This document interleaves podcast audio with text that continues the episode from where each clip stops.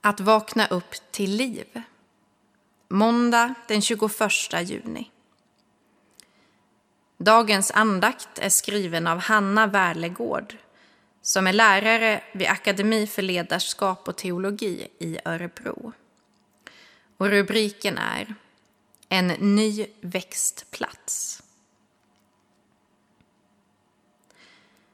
I Saltaren 104, vers 30 står det. Du sänder din ande, då skapas liv. Du gör jorden ny.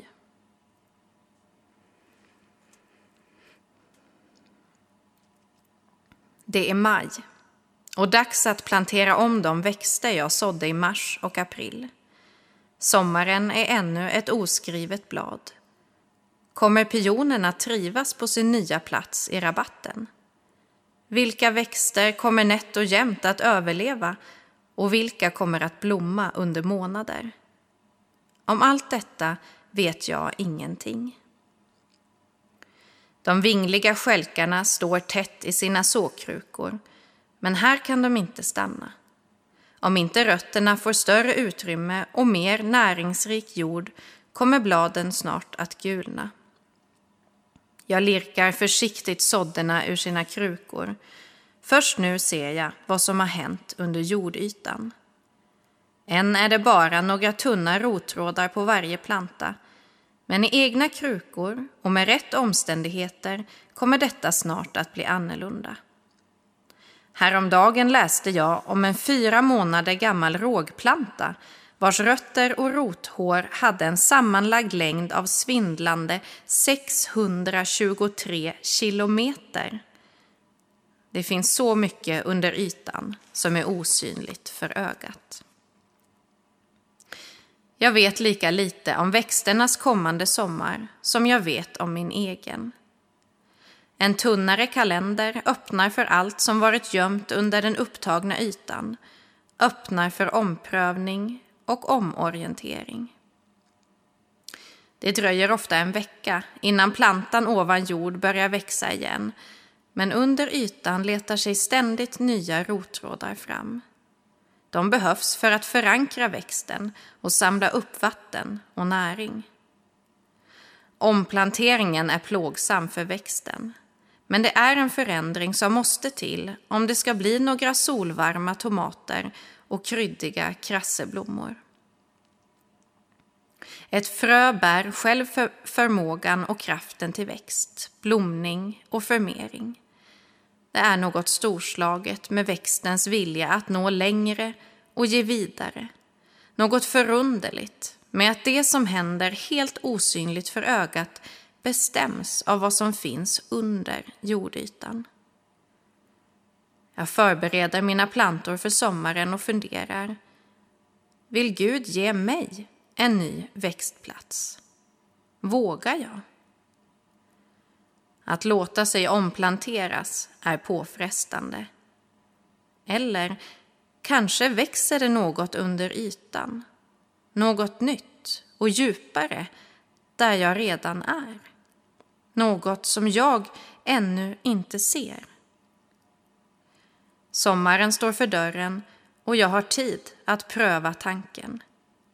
Det finns rum för nya beslut och jag får tid att lirka upp mina känsliga rötter ur krukan och ge dem ny, näringsrik jord.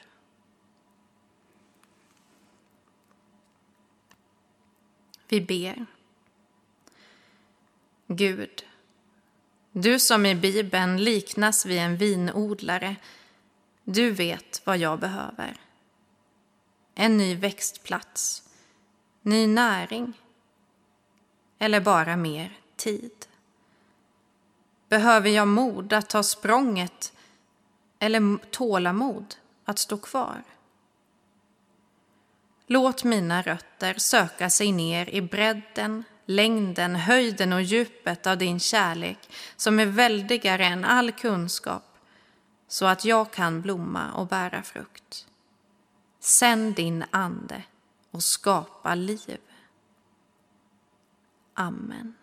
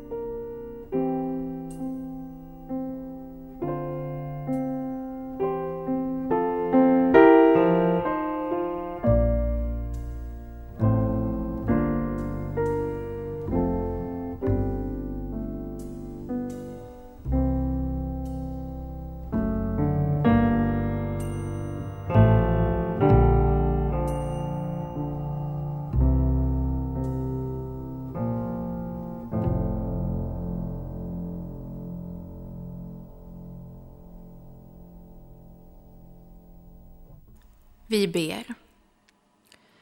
Vår Fader, du som är i himmelen. Låt ditt namn bli helgat.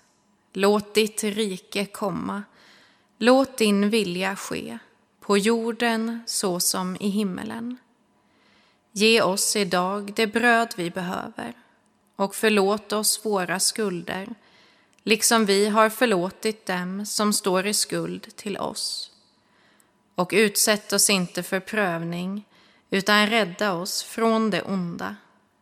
Ditt är riket, din är makten och äran i evighet. Amen. Ta emot Guds välsignelse. Herren välsigne dig och bevare dig. Herren låter sitt ansikte lysa över dig och vara dig nådig.